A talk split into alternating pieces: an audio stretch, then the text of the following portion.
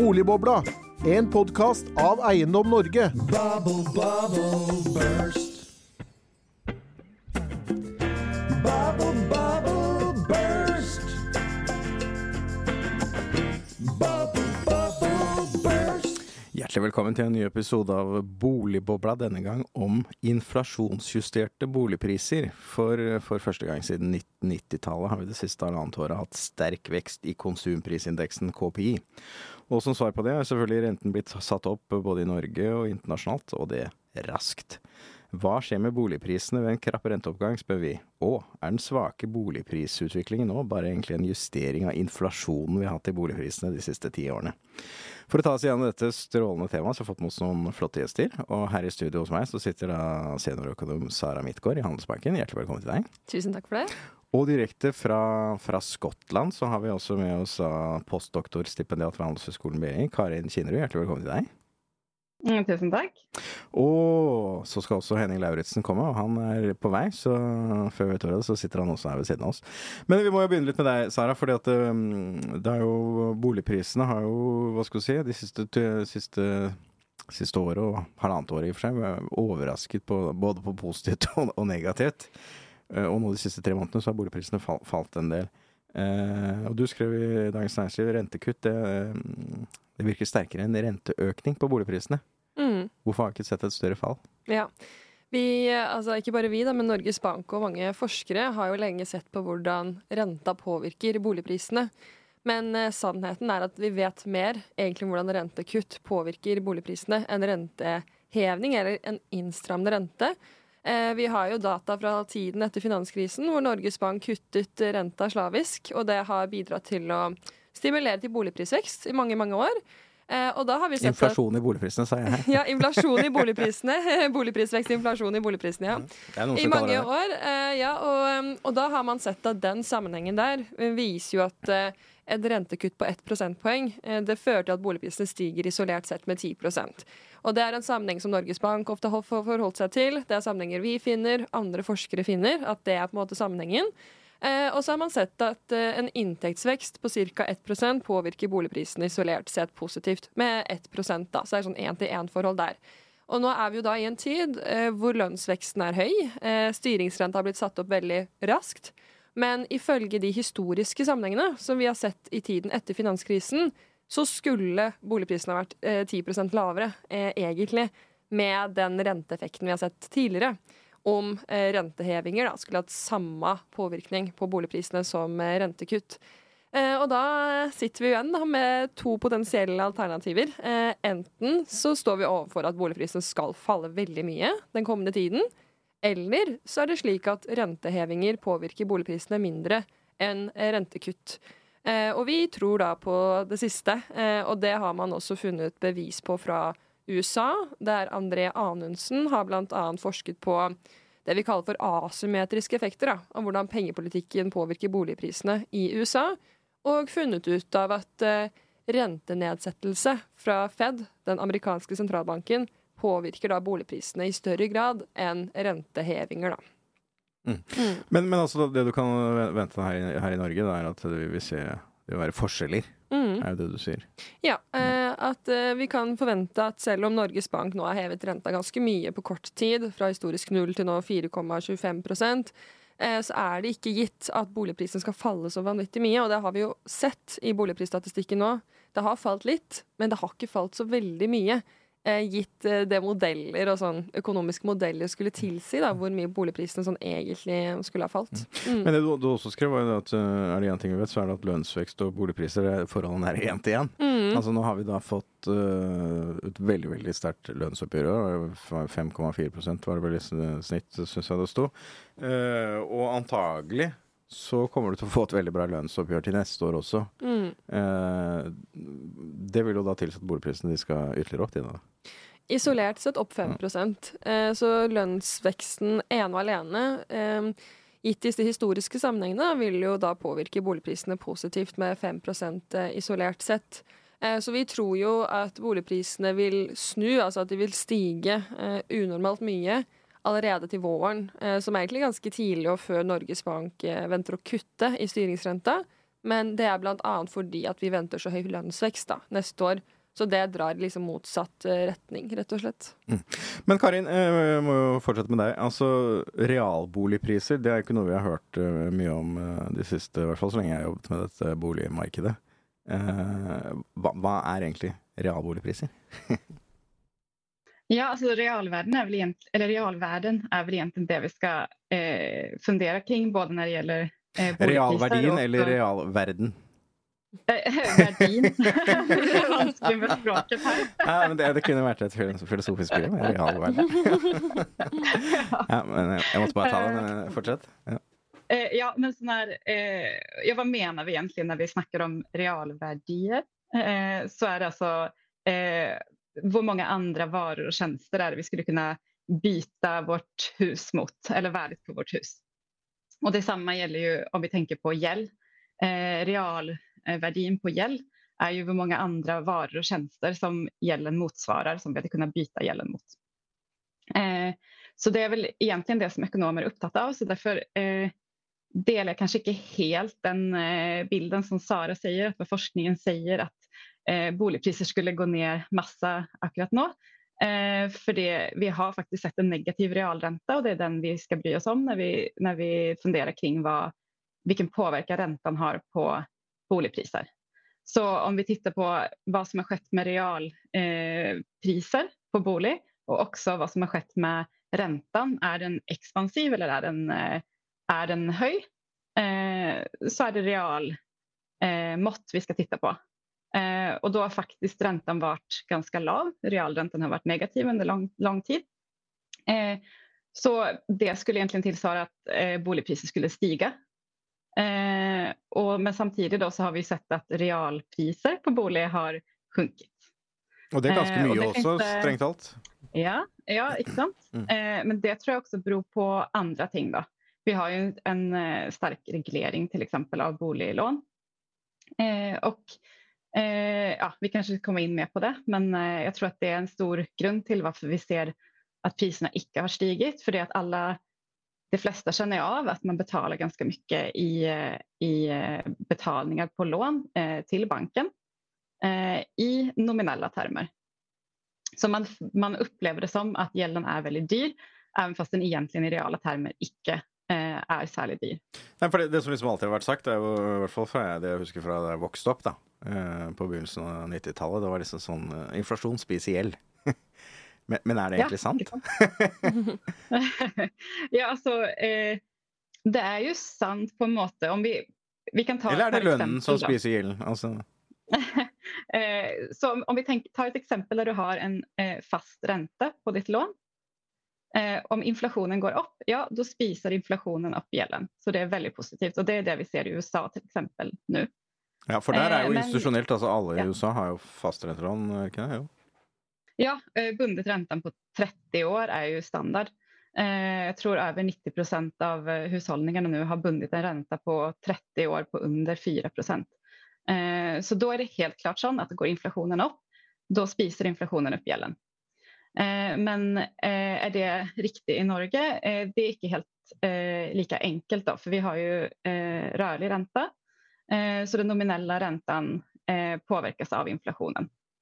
Eh, Så om det eh, så att den nominella räntan stiger en till en med inflationen så är det inte sånn att, att inflationen faktiskt spiser upp gälden. Eh, Så det vi har upplevt i det sista, att man betalar mer till banken, er ju det att nominella räntan har stigit. Eh, Men det är inte bara det att du betalar, du betalar ju eh, både renta og du gjør avdrag. Eh, och i reale termer så har avdragen stiget kraftig de siste årene. Så man opplever det som at gjelden er veldig dyr, men det er faktisk at man sparer veldig mye i reale termer på gjeld. Nei, du, den nominelle renten øker. du hadde jo da noen regnestykke på det på, på et lån på var det, en bolig til 3 millioner kroner med en gjeldsgrad på, innenfor utlånsforskriften, og da, da visste du det jo det annet. man bet- betaler faktisk ned ganske mye i reelle termer nå. Unnskyld. Eh, ja, eh, eh, det er riktig. Som man ser eh, sammantaget den finansiella situationen för hushållningen med gäld så har den blitt betydelig bedre de siste årene. Eh, men det opplevs kanskje ikke som det, fordi man faktisk må betale ganske mye eh, til banken. Eh, men en stor del av de betalingene er en sparing i reale termer. Men det her konceptet med realgjeld er ju litt abstrakt for mange å tenke på. Eh, så vi må kanskje liksom påminna oss om det. Hva betyder det egentlig? Eh, om varor och priser, eh, om priserna på varor og tjenester stiger, så betyder det at verdi, verdien på gjelden blir lavere. Alltså du kan kjøpe min, liksom færre varor og tjenester av det beløpet som du har i, i gjeld. Eh, och det är ju egentligen då någonting eh, positivt eh, för de husholdninger som har gjeld. Eh, men eh, så som boliglånkontrakten ser ut, de som vi bruker, så er den avdragsplanen som vi har er spesifisert i nominella termer. Så Derfor opplever vi det som at vi faktisk at gjelden er veldig dyr og det er det vi ser om vi leser i avisen at, og det er veldig dyrt med gäld. Eh, men det er de facto ikke helt sant, og det er at vi faktisk eh, tvinges til å spare veldig mye. Men, Så jeg tror at dette har en veldig, har en veldig sånn psykologisk effekt også på boligpriser. Fordi at alle tenker at det gjelder veldig dyrt. Eh, så da får det sånn en dempende effekt på Så, så even ifall faktisk styringsrenten har vært sånn at den reale renten har vært negativ, burde vi sett økende priser på boligmarkedet. Men det faktum at mennesker opplever det som at gjeld faktisk er dyrt, så får vi i stedet en dempende effekt. men, det, men dette Eh. minner meg litt om eh, et seminar jeg var på her før sommeren om finanspolitikk. Og, og da var det en av de som foredro som sa at eh, når det er inflasjon, så bør man i hvert fall skru opp pengebruken. Fordi at pengene blir jo mindre verdt. Altså Det er litt av det samme, er det ikke det? Ja, det skulle du kunne si. Eh, ja, eh, så jeg tror det hadde vært eh, Det hadde vært veldig interessant om vi hadde hatt eh, boliglån eh, som der avdragsplanen i reale termer, altså hvor gjelden utvikles under det. Vi tenker oss et sånt annuitetslån som er standard, et sånt 25-årslån f.eks. exempel. Eh, om vi tittar på hur den eh, reala gjelden utvecklas over de 25 årene, eh, da kommer det variere beroende på hva, hva som sker med inflationen. Eh, om vi hadde hatt kontrakt som istället hadde haft reala avdragsplaner så att det ikke påverkas av det faktiske utfallet på inflation, Da tror jeg vi hadde hatt en helt annen eh, situation på boligmarknaden. Eh, og det hadde også vært en annen situation for Norges Bank. Det hadde vært enklere for dem å heve renten fordi at eh, husholdninger med gjeld hadde opplevd det som at gjelden nu er dyr, Mm. når den faktisk ikke er dyr. Men altså det som da har vært den store bekymringen i, eh, for Norges Bank, for Finanstilsynet, for eh, Internasjonale pengefondet, det er jo den norske husholdningsgjelden. Men altså, hvis- du ser på de store tallene for husholdningsgjelden nå målt mot inntekt, jf. det vi snakket om på innledningen her, så er jo altså det blitt eh, bedre forhold for den finansielle stabiliteten. Altså nå bare de siste året. Fordi at da inflasjonen har steget, gjeldsveksten går ned, og lønnen er gått opp. Altså dette, dette er jo en myk landing, egentlig. Eller hva, Sara? For, for den finansielle uroen for den finansielle stabiliteten. Det er jo som eh, man hører her, at eh, når inflasjonen er høy, så vil jo på en måte den faktisk reelle verdien av gjelden avta. Men jeg tror det Norges Bank peker på, som de da har vært bekymret for, er den gjelden vi har i forhold til disponibel inntekt, den blir altså mer sårbar dersom man får et større boligprisfall. da. Så det er det de ofte peker på altså, i sånn finansiell stabilitetsrapport og sånne ting, at dersom man får et større boligprisfall, så er nordmenn litt mer sårbar i og med at man har bygget seg opp en ganske høy gjeld i forhold til disponibel inntekt over tid. Eh, og, at det, og det da vil være eh, en risiko da, for eh, finansiell stabilitet i det tilfellet om boligpriser skulle ha falt veldig mye. Men det er et poeng som er absolutt veldig viktig å ta opp, at eh, den reelle verdien av gjelden blir jo i utgangspunktet mindre når inflasjonen er høy. Og som vi også hørte på Finansielle fagdag eh, i Norges Bank, som jeg husker du var på, Mm. Erik, eh, så var det jo et poeng i et av de foredragene der om at SMO skulle fått mer avdragsfrihet og sånne ting da, når inflasjonen er høy. For i utgangspunktet så tvinger på en måte boliglånsforskriften litt til at man skal spare, eh, eller det blir sånn tvungen sparing da, i perioder med høy inflasjon, fordi at på en måte, man får ikke inflasjonsjustert gjeldsnivået sitt da, på et eller annet vis. Så da har man på en måte over en lang periode blitt tvunget til å spare mer enn det man kanskje egentlig hadde hatt behov for i utgangspunktet. da. Men det, men det er vel også ditt poeng, Kari, når det gjelder da utlånsforskriften. Altså, dette burde vært inflasjonsjustert. Helt riktig. Eh, både utlånsforskriften men også eh, det lånet som vi har hos bankene. Jeg tror at det, det finnes en tradisjon i at vi har kontrakt som er spesifisert i nominelle termer. Eh, men det hadde vært eh, like enkelt å ha boliglån som var spesifisert i reale termer. Men, men hvordan, skulle, Det liksom, hvordan skulle det sett ut så, sånn i praksis, egentlig? La oss si jeg har da tre millioner eh, kroner i gjeld, da. Så skal jeg da liksom få inflasjonsjustert det.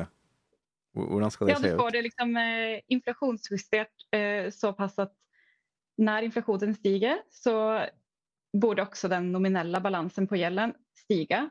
Eh, men du gjør fortsatt reale avdrag sånn at den reale gjelden utvikles sånn at du fortsatt betaler lånet på like lang tid som ellers. Mm. Eh, för det finnes egentlig ingen sånn faglig grunn til å tenke at det skulle gi mening at du må spare mer når inflasjonen er høy. Ja, du skulle jo eh, egentlig tenke eh, at det var motsatt. Ja. Mm. Eh, og det, gjør, det får jo også sånne sidoeffekter kan du si, av eh, penningpolitik. At det rammer dem med mye gjeld mye hardere når man har den typen av regulering på, et, en, på en måte som jeg ikke tror egentlig er det, eh, den transmisjonsmekanismen som egentlig sentralbanken er ute etter. Så hva, hva er det de egentlig er ute etter, da? Nei, men de, man, man vil jo se egentlig, og hva, eller hva standardøkonomiske modeller sier, er jo at eh, om vi nu vil ha en dempende effekt eller inflationen er høy, så vi dempe ekonomin, då vil vi ha en realrente som er positiv eh, og som gjør att mennesker justerer sitt, eh, sin atferd etter det. Eh, nå har vi liksom ikke helt mulighet til å sette opp renten såpass mye. For det at, eh, eller ofte er det argumentert at det er pga. at eh, mennesker med gjeld rammes veldig hardt. Veldig, veldig hardt. Ja, da fikk vi også Henning Lauritzen direkte inn fra sitt uh, frokostforedrag. Hjertelig velkommen til deg også. Takk, takk. Nei, vi sitter jo her og jazzer om, om temaet, selvfølgelig. Men det du har introdusert som tema, eh, begrep, det er jo realgjeldsnedgang. Må du puste ut, kanskje? Jeg, må, ja, jeg har jog, jogget opp trappen, så i fem etasjer, så da, da må jeg puste ut lite grann. Nei, det er, det er ganske interessant hvis vi ser på gjeldsveksten, som, som nå ligger på 3,5% på, tolv på 12 måneders. Og, og så kan vi jo se at den ligger under inflasjonen. Den ligger også en god del under lønnsveksten. Og det er jo et interessant tall i denne sammenhengen. Nå må jeg puste litt. Ja. men men eh, Karin, du som er den eh, ekspertøkonomen her. Realgjeldsnedgang, er det et godt begrep? Eh, ja, det er vel egentlig det som jeg mener også. at när vi, vi, vi ser nå at eh, eh, det som skjer med den høyere inflasjonen, er at vi har en, at man må betale ned gjelden raskere i reale termer. Så det er vel det vi egentligen, eh, som Henning mener også her. Mm. Nei, det er jo eh, kudos. Ingen Henning, Verken Henning og jeg er jo økonomer, så når vi klarer å finne opp begreper, så blir vi jo veldig fornøyde. men, men hvis vi bare tenker litt grann fremover Nå har vi da fått Vi var jo innom på det lønns, lønnsveksten er veldig høy i år. Altså, og det var en veldig interessant artikkel i Finansavisen for bare et par dager siden om um, lønnsveksten til, for 2024. Og, og måten lønnsdannelsen i Norge er organisert, er jo det at frontfaget, da, industrien og forhandler først, og så legger de rammen for, for det øvrige. Men det som er spesielt nå med den svake valutaen, det er jo det at um, det går veldig, veldig godt i eksportindustrien, og olje og gass. Uh, blant annet pga. den sterke Ekstra pga. den svake, svake kronen.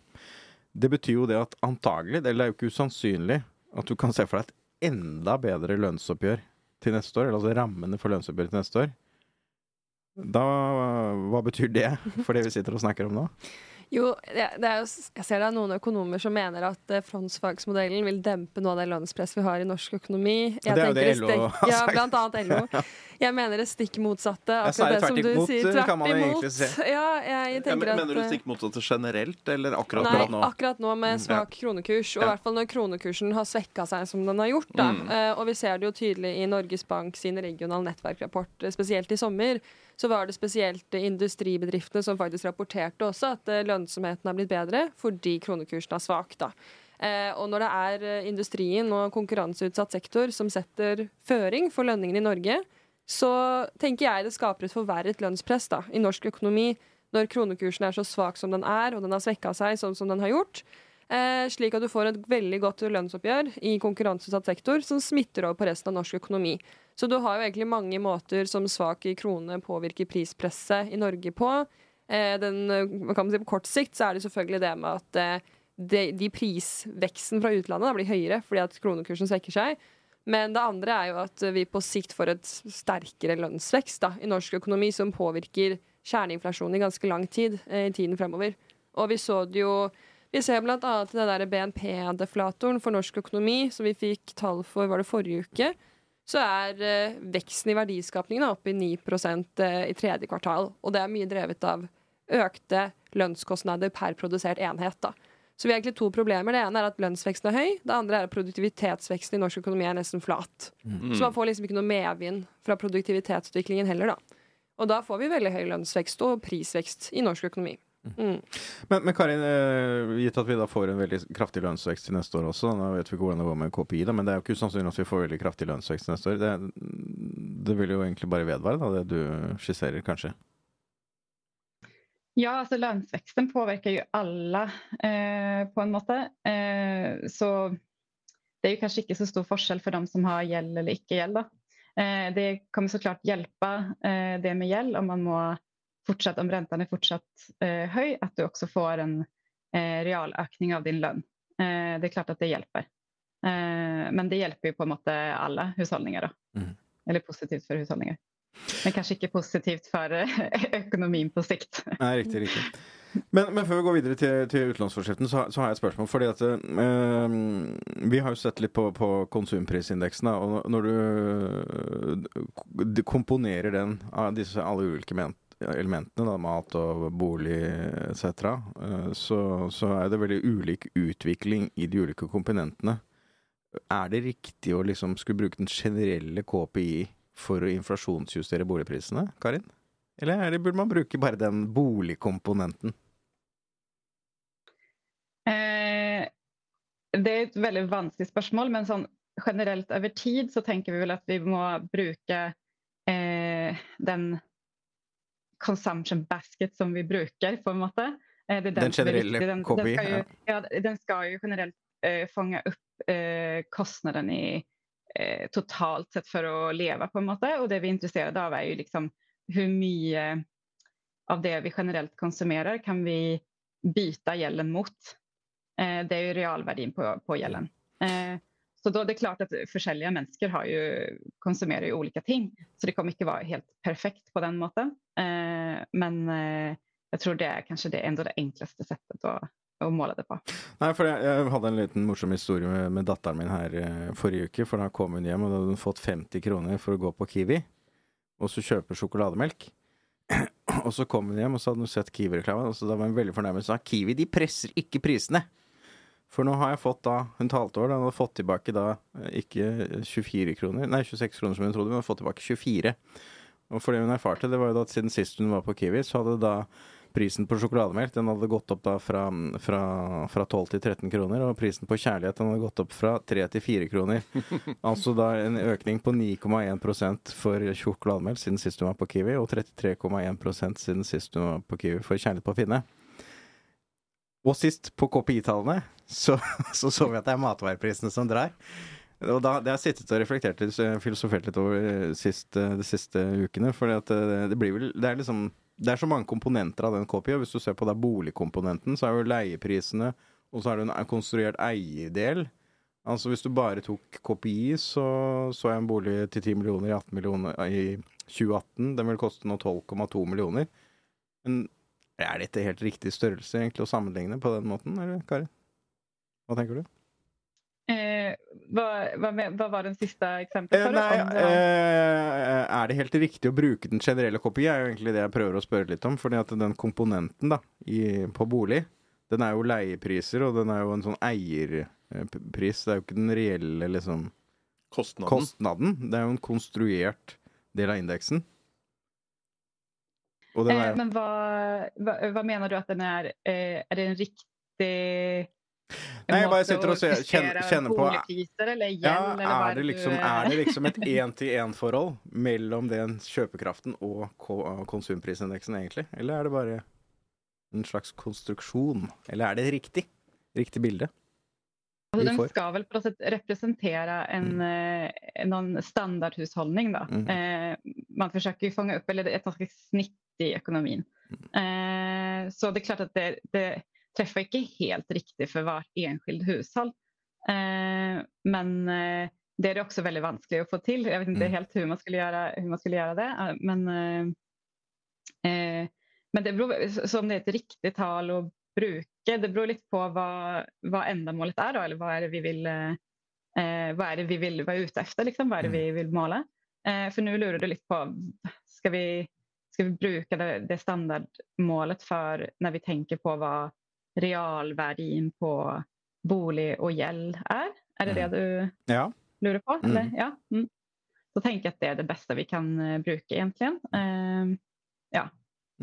Og de Eller har du noe annet? Ja. ja vi, Nei, de vektene oppdateres jo liksom Er det ikke rundt en gang i året i, i Norge, da? Ja, på Eh, så da skal- på, konsu- på konsumprisindeksen. Så da skal det på en måte representere en typisk norsk husholdning, hva er det man faktisk Mm. bruker penger på. Um, og eh, som Karin var inne på her, det er jo, man skal på en måte sammenligne med hva er det du kunne kjøpt da, i form av varer og tjenester for det boligen din er verdt. Mm. Og da må du på en måte representere hvor stor andel er det man bruker på bolig, eller hvor stor Mm. andel bruker man på mat. Og da blir det på en måte representativt i vektingen. mm. Men man kan jo gjøre som f.eks. i USA, da, hvor du Mm. har denne PCE-deflatoren.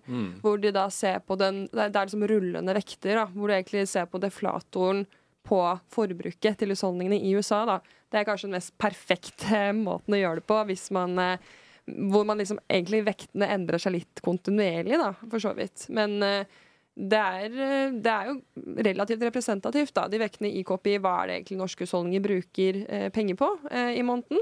Hvor stor andel går til de forskjellige utgiftspostene? Og det er det som skal være representativt hvis du skal måle hvor mye varer og tjenester får du for det boligen din egentlig har vært. da. Og så er det selvfølgelig sånn at de forskjellige komponentene i KPI har jo forskjellige eh, prosentvis økning fra år, år til år. Eh, og så vil jo kanskje det være mer, mer representativt for én type husholdningsgruppe enn en annen type husholdningsgruppe. Men helt eh, overordnet så skal jo det være på en måte mest optimale, da. Med mindre vi lager vår egen deflator på eh, konsum i Norge eller noe sånne ting, da. Men eh, vi må jo avslutte litt med, med utlånsforskriften her, da. Fordi eh, hva, er eh, Du kritiserer jo da utlånsforskriften, og du og dine kolleger også, egentlig ganske mm, som en slags Er det et arbeidsuhell at de har glemt realboligprisene, var det vel eh, Gisle sa på Norges Bank her, som det ble nevnt. Eh, hva burde man gjøre da med, med utlånsforskriften, mener du, Karin? Jeg tror man må utforme den sånn at eh, avdragsplanen i reale termer skal ikke bero på hva inflasjonsutfallet er. Eh, det er det viktigste.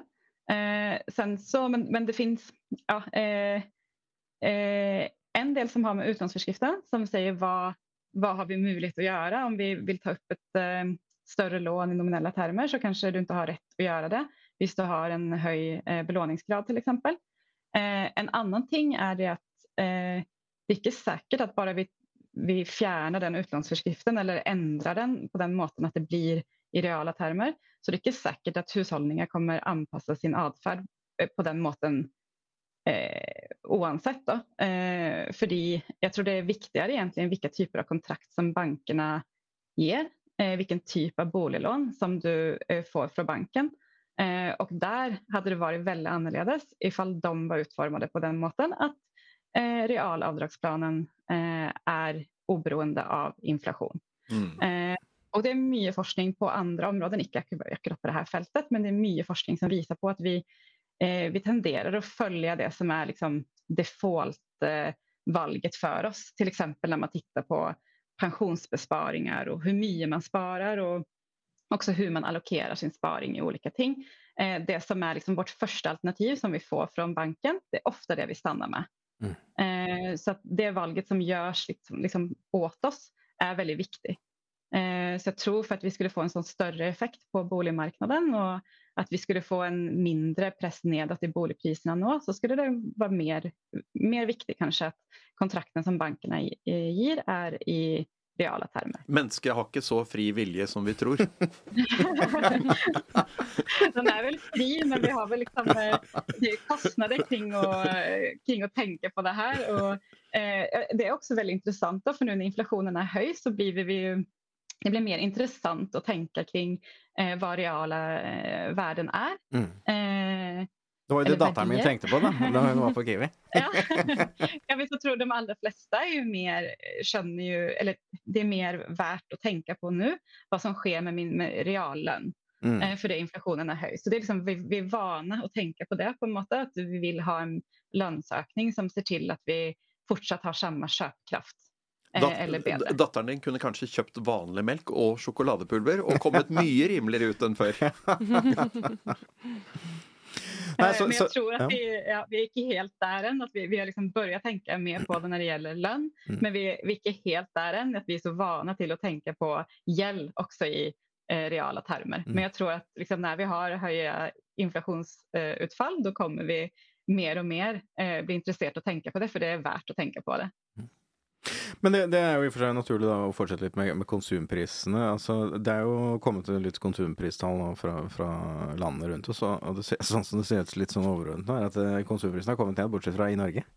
Ja, men det er jo egentlig akkurat det det gjør. Eh, I USA ser vi at PCE-deflatoren eh, tar seg nedover. Eh, kommer vel inn på 3,5 om jeg husker riktig, kjerne-PC. Og hvert fall i eurosonen. Der I eurosonen, begynner vi å nærme oss inflasjonsmålet, 2,4 faktisk. var det vel? Sånn, ja. Ja, så det, det, totalinflasjonen har avtatt veldig raskt i eurosonen. Og så har vi Norge, da, hvor totalinflasjonen er på 4% og kjernen på 6 eh, Så det er fortsatt en ganske høy kjerneinflasjon eh, her hjemme i Norge. Og eh, jeg tror det kommer selvfølgelig både av at kronekursen har vært svak, lønnsveksten har vært høy. Eh, og det som også Norges Bank har pekt på i pengepolitisk rapport, er jo at problemstillingen har endret seg helt. da. Det er på en måte ikke det at det var høy inflasjon i USA og eurosonen som da smittet over på norsk økonomi. Det er ikke det som er tilfellet nå lenger. Problemet har endret seg fra at vi har fått importert prisvekst fra utlandet, til at vi har fått både høye lønnskostnader, men også høyere brutto driftsmarginer, som driver i større grad kostnadspresset i norsk økonomi.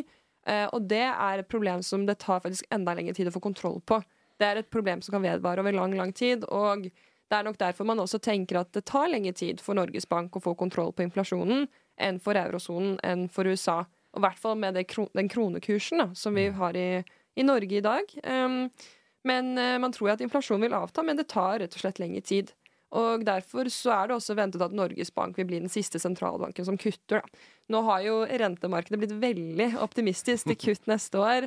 Eh, rentemarkedet priser inn fullt eh, første kutt i eurosonen allerede i april. Så får vi se om hva som faktisk skjer. Eh, men her hjemme så prises det en rente på 3,5% i desember neste år. Eh, og det er et helt prosentpoeng under Norges Bank sin prognose. Så jeg tror nok at rentemarkedet er litt vel optimistisk nå. Men, eh, men det er jo litt svakere vekstutsikter, og nå er det også mer usikkert om eh, Norges Bank faktisk vil heve i desember, da. Mm. Men Henning, eh, vi hadde jo møte med Vedum, eh, finansministeren, for halvannen uke siden. Eh, Hva var det vi ba om da, når det gjaldt utenlandsforskjellen? Nå hørte vi fra Kaina at bankene hadde vel så mye de kunne gjøre som utenlandsforskjellen. Ja, nei, Vi ba jo om en lang rekke tiltak for å sørge for at det ikke blir for dyp og for lang dump i boligbyggingen. Vi vet jo hvilke store konsekvenser det fikk bl.a. etter finanskrisen. Vi sliter egentlig fortsatt med det i boligmarkedet.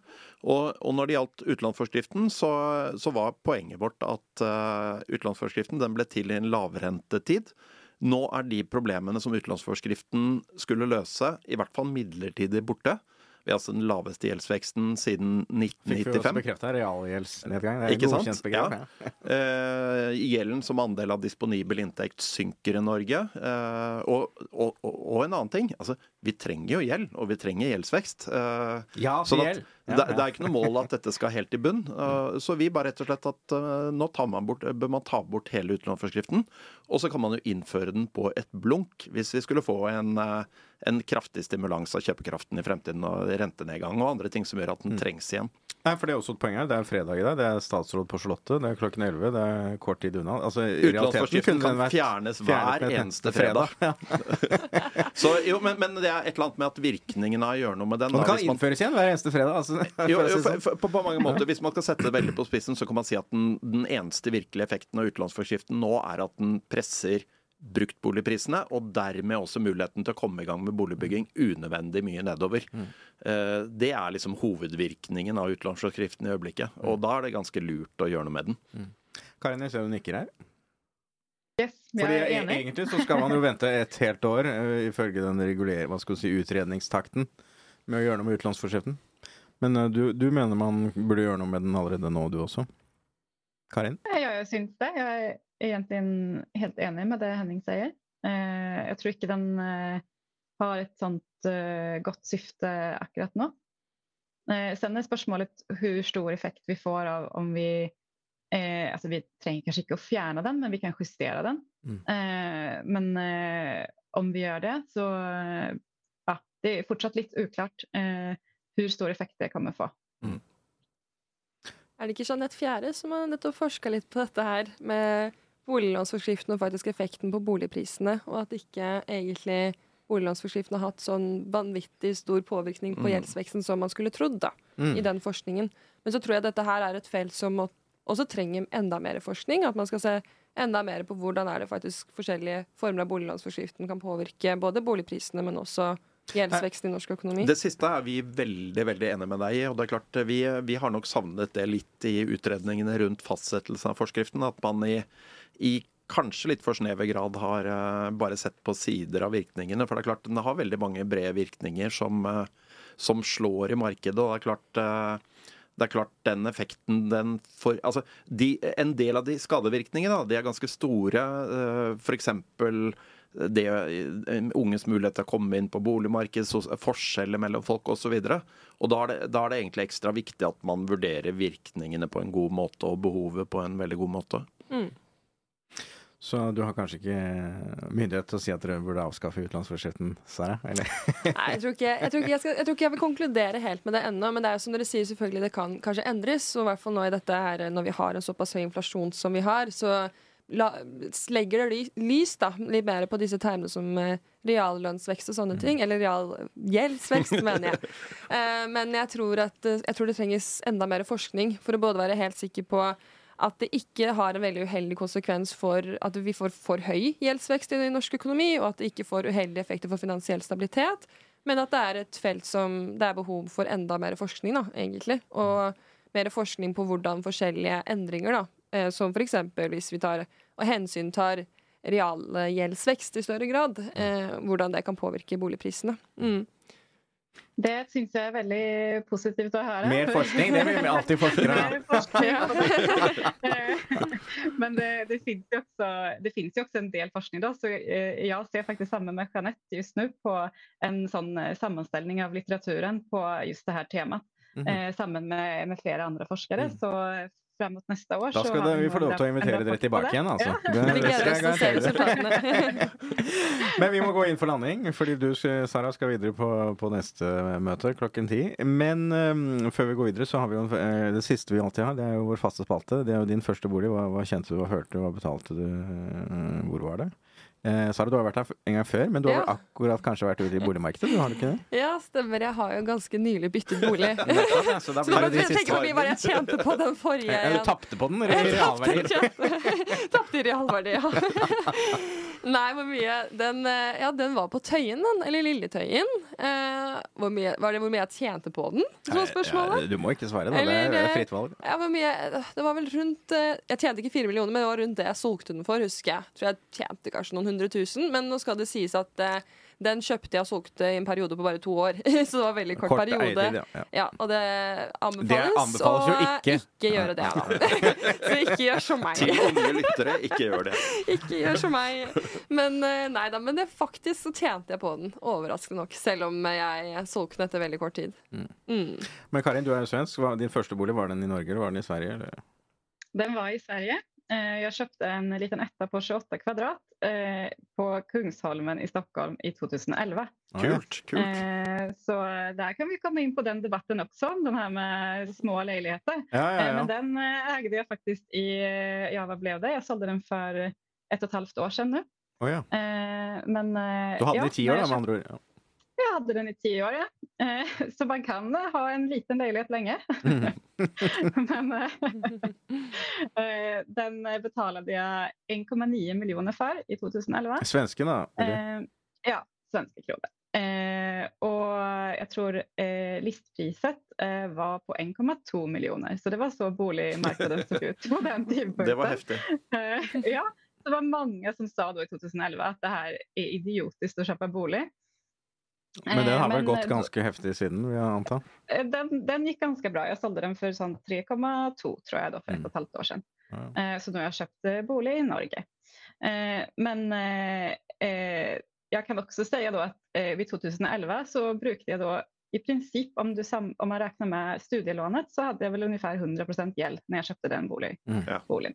Så det såg jo veldig annerledes ut da, at det var mulig når man var nyutexaminerad och inte hade så mycket pengar att faktiskt köpa bolig. Mm. Eh, Det kan, kan man i mindre grad nå, ja. ja. det kan man absolutt ikke gjøre. Så du er et eksempel på deres egen forskning på utenlandsforskriften, da? På en måte. si. Men det er veldig bra. Eh, hjertelig takk. Vi er tilbake med nye episoder av Boligbobla før vi vet ordet av det. Og hjertelig takk til eh, Karin fra Glasgow, må jo sies, og Sara her i studio i Oslo. Og vi er tilbake med nye episoder av eh, Boligbobla før vi vet ordet av det. Så hjertelig takk. Takk selv.